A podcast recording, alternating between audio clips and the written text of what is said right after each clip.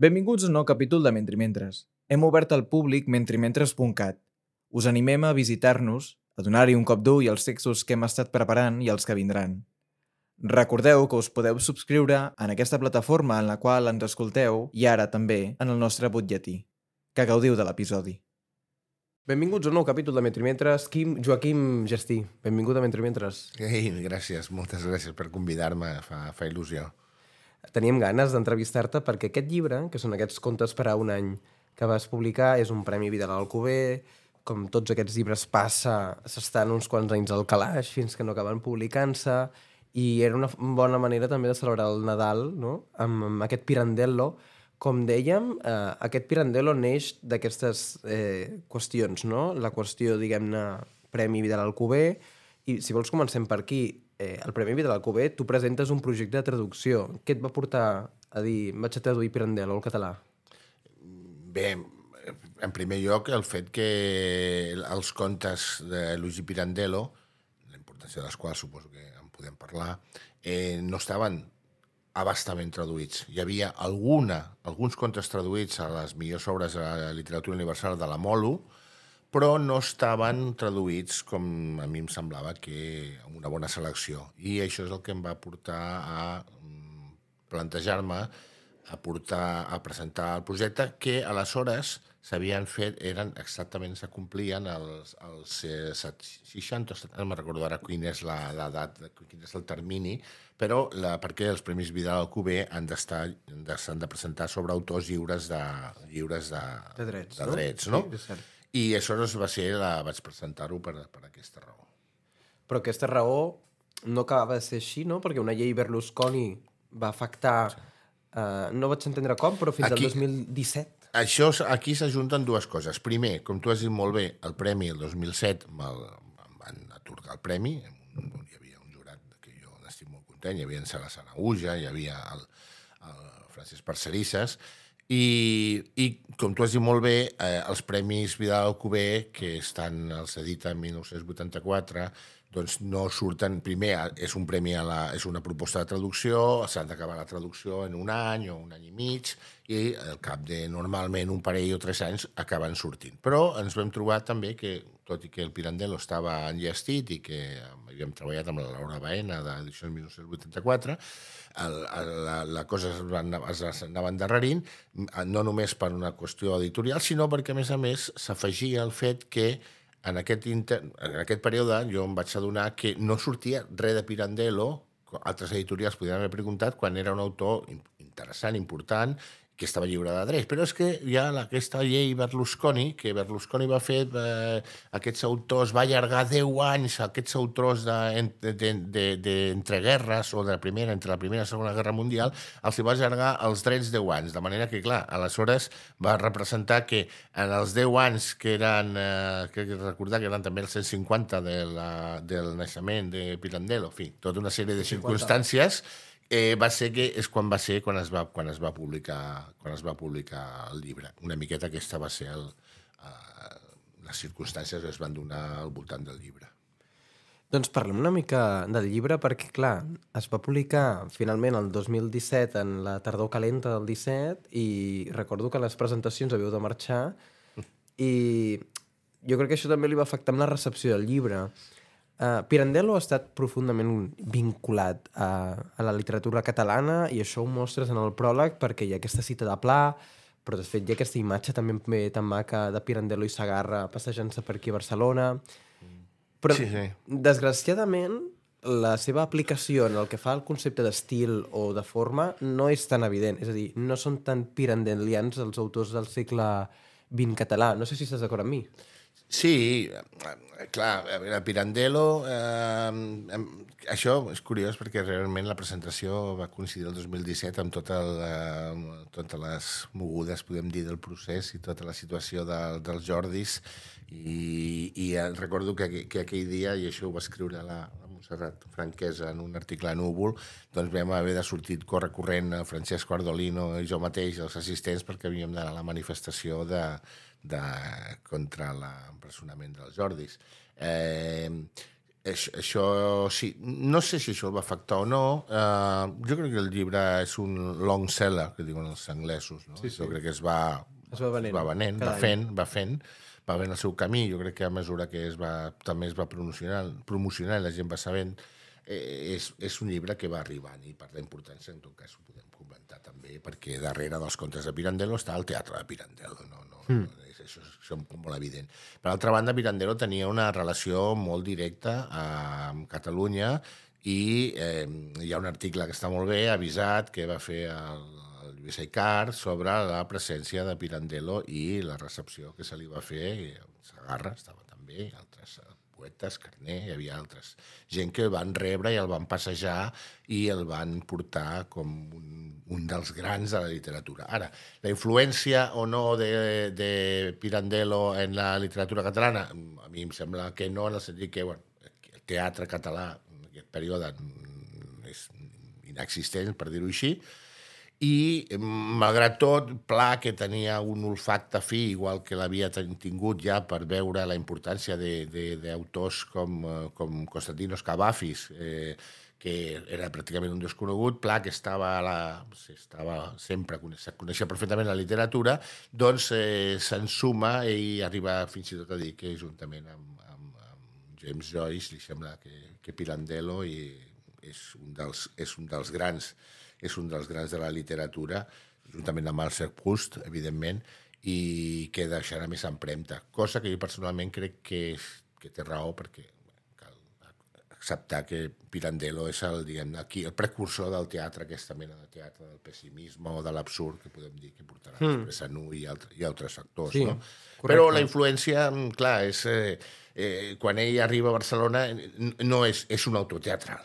I aquesta és una de les segurament fent servir un, el títol del propi Pirandello, és un dels drames de Pirandello, del propi autor, el fet que és un autor eh, mm, conegut fonamentalment pel seu teatre, però que té una molt bona novel·la, per una banda, Il fu Matia Pascal, i, i al mateix temps els seus contes, que són, jo crec que són una joia, una meravella. El teatre enormement representat perquè hi ha aquesta obra que és capdalt del canvi del 19 al 20, que és aquests personatges que cerquen un autor i aquesta consciència que fa, es fa consciència i després hi ha els gegants de la muntanya i tantes altres que s'han fet molt. S'han adaptat novel·letes i s'han adaptat contes. Però, en canvi, si tu ara vas per, per Itàlia i vols comprar Pirandello, tens aquests volums de la Mondadori i doncs hi ha, per una banda, les novel·les, uh -huh. per una altra banda, el racconti i, per l'altra banda, el teatre. Això, aquests contes, dins de quin bloc serien? Bueno, això són le, le, no- le, le novel·le per un any, no? És a dir, això forma part d'un projecte que Pirandello va voler fer, de fer un conte, un conte per cada un dia de l'any. Mm?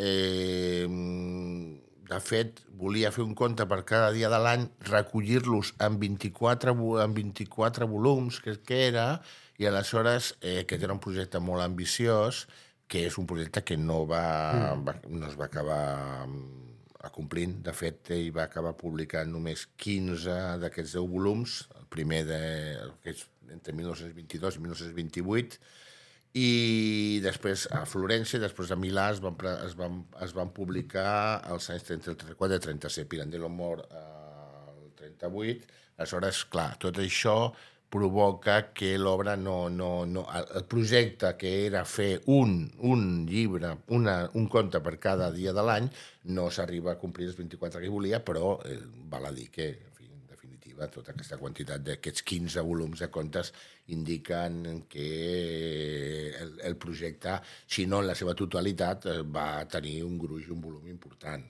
Clar. I això, clar, jo vaig pensar que vaig haver de fer una selecció que és una selecció molt personal, Correcte. però és una selecció que s'havia de mirar perquè és que hi ha molts, eh, diguem, agafes el, el, el totxo de, de, que hi ha a Mondadori és un, és un volum gran de, dels contes de, de Luigi Pirandello. La cosa, bé, té, té el seu...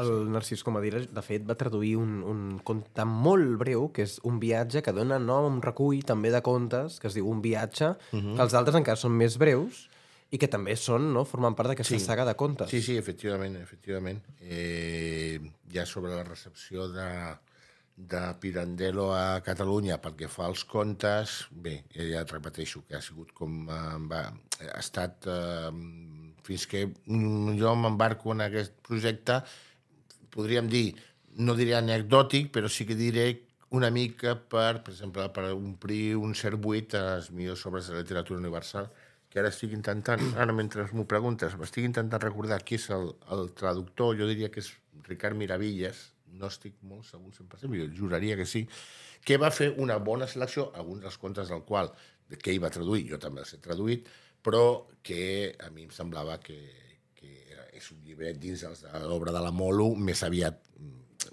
primet, no? Em sembla que Clar. hi havia un 10 o 12 contes. Crec que també, sí. sí.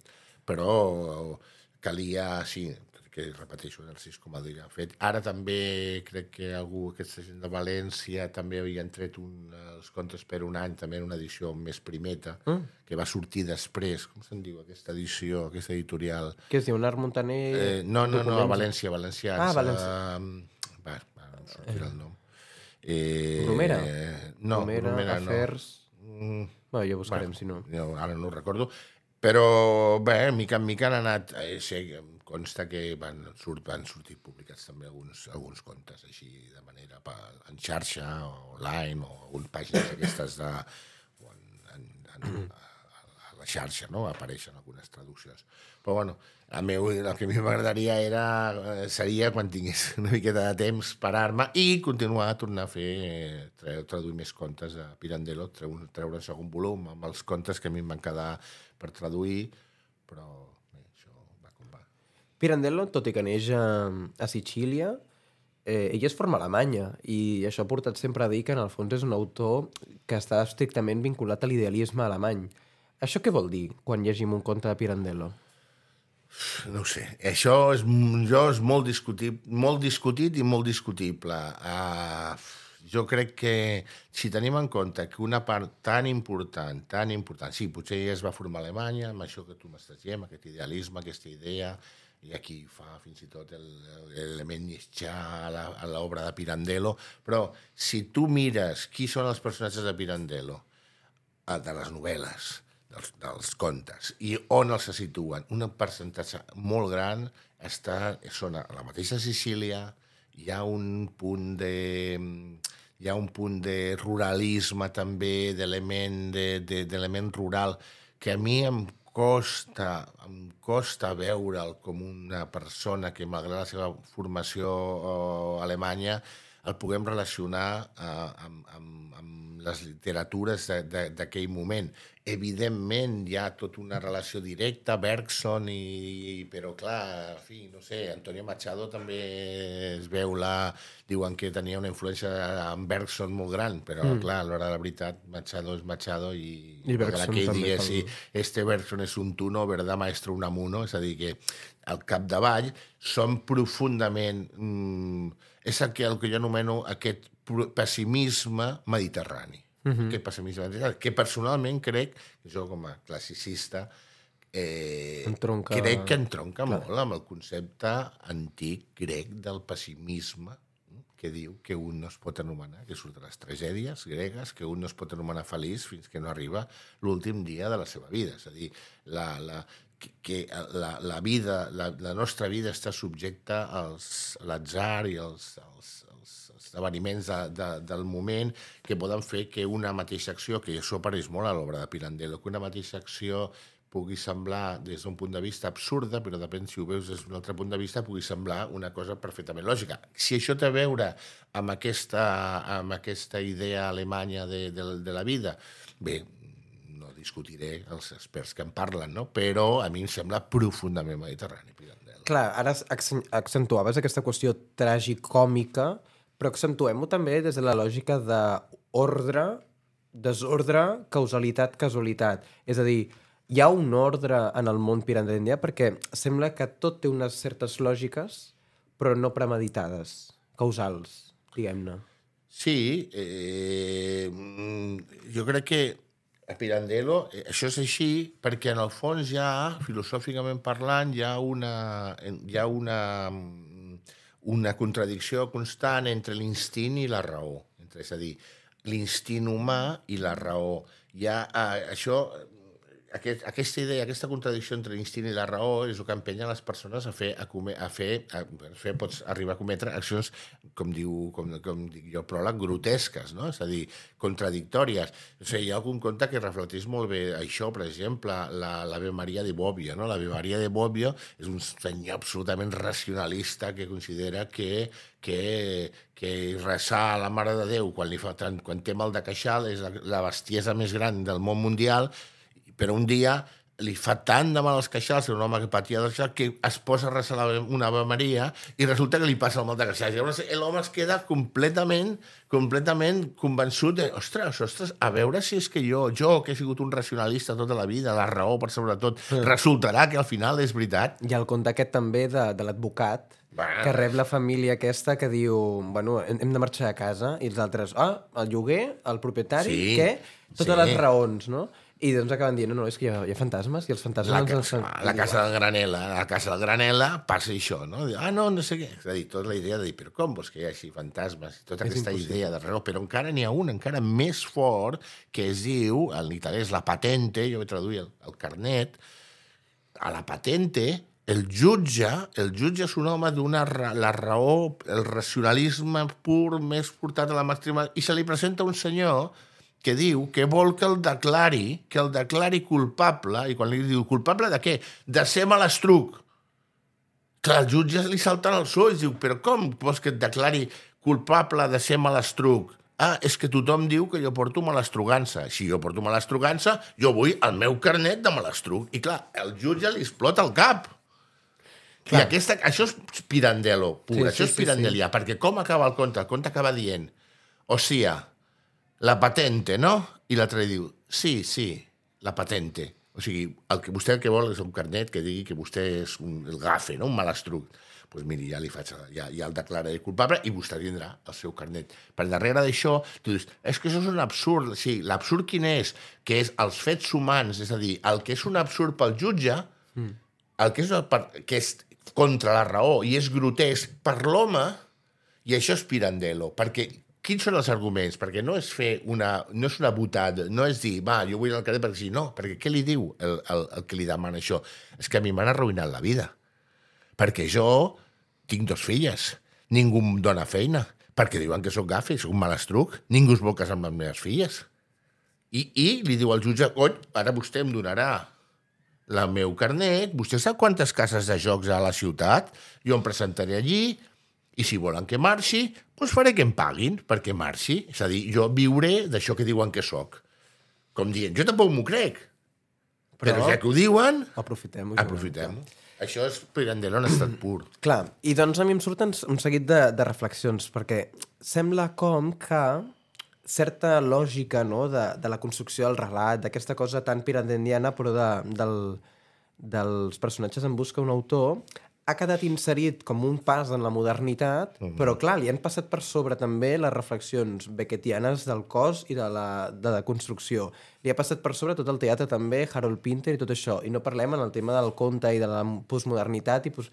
És a dir, no llegim ja una mica amb una estela d'aquell recurs, d'aquesta il·lusió, d'aquesta fascinació modernista de finals de... inicis, bueno, inicis del, del 20, però finals del 19, i que, per tant, cada cop ens en llegim potser amb més distància, amb fascinació, però amb més distància? Sí, sí, estic, estic d'acord, clar. Jo, a mi la fascinació que em provoca és haver-lo traduït i que trobo que, a més a més, és d'una altra cosa que, que se'n parla poc, però és de la, de la qualitat literària sí, de la prosa de, sí, de Pirandello, no? I jo, sí, clar, sí. a mi això em pot molt, molt sovint. Ara, ja per altres autors... Sí, clar, tu agafes tu agafes uh, els contes de Pirandello, que tenen aquestes característiques molt marcades, que són el canamàs del que després serà la, la seva, la seva, el seu teatre, eh, tot sí, sí. més subtil, que en el teatre és com més, més abrupte. Sí que és veritat que pot, eh, amb l'evolució de la literària eh, ja ens ho, mire, ens ho podem mirar amb una certa distància i fins i tot podríem dir que és com una mica passat de moda i sobretot perquè de molts d'aquests contes són uns, hi ha un cert ruralisme, sí. no deixa de ser que hi ha una, una, un món que sembla que ha estat de passat per les guerres també, que sí, és una sí. mica el que passa, i això, això diguem-ne, on s'insereixen els quadres, els, els contes, Bé, el, el, el, tot el marc pot semblar una mica passat de, passat de moda, però però té aquest element fonamental. Per tant, clar, si tu compares amb tota la eh, contística italiana que vindrà posteriorment, o un autor que també ha traduït, Dino Buzzati, clar, el, el, conte, la frescura, el context, tot això, eh, evident, evidentment, eh, manca una mica, no? No, no és Clar. que sigui una lectura arqueològica, però... No, no, no, no, gens, gens, gens. Però gens. el temps passa, no? Sí, sí. Bé, Quim, t'he d'agrair moltíssim això, que avui hàgim pogut parlar 20 minuts de- d'aquests contes que vas traduir per un any i si em dius que et posaràs quan tinguis una mica de temps a traduir la resta, doncs tinc moltes ganes ja i començo a esperar que això passi. M'agradaria molt, en tinc alguns ja em- embastats i, i m'agradaria poder continuar. Eh, això ja, ja veurem, ja veurem les circumstàncies de la vida, però sóc jo qui et vull agrair doncs, haver-me convidat i podríem estar aquí no 20 minuts, teníem estar una hora parlant i cada un dels contes per la seva sí, sí. Per més interessant, però bé, a mi em va semblar que era una, una bona selecció, recomano molt que la gent se llegeixi. Jo en alguns, alguns contes que si a mi em diguessis fes una selecció de contes, algun conte jo per descomptat triaria algun dels contes de Pirandello per endur-me una illa, entre, per exemple, ara Gia Càtara, que em sembla un, un conte eh, per, per, per morir, de riure i de, de reflexió, i, i res, 3, moltes gràcies per, per haver-me convidat.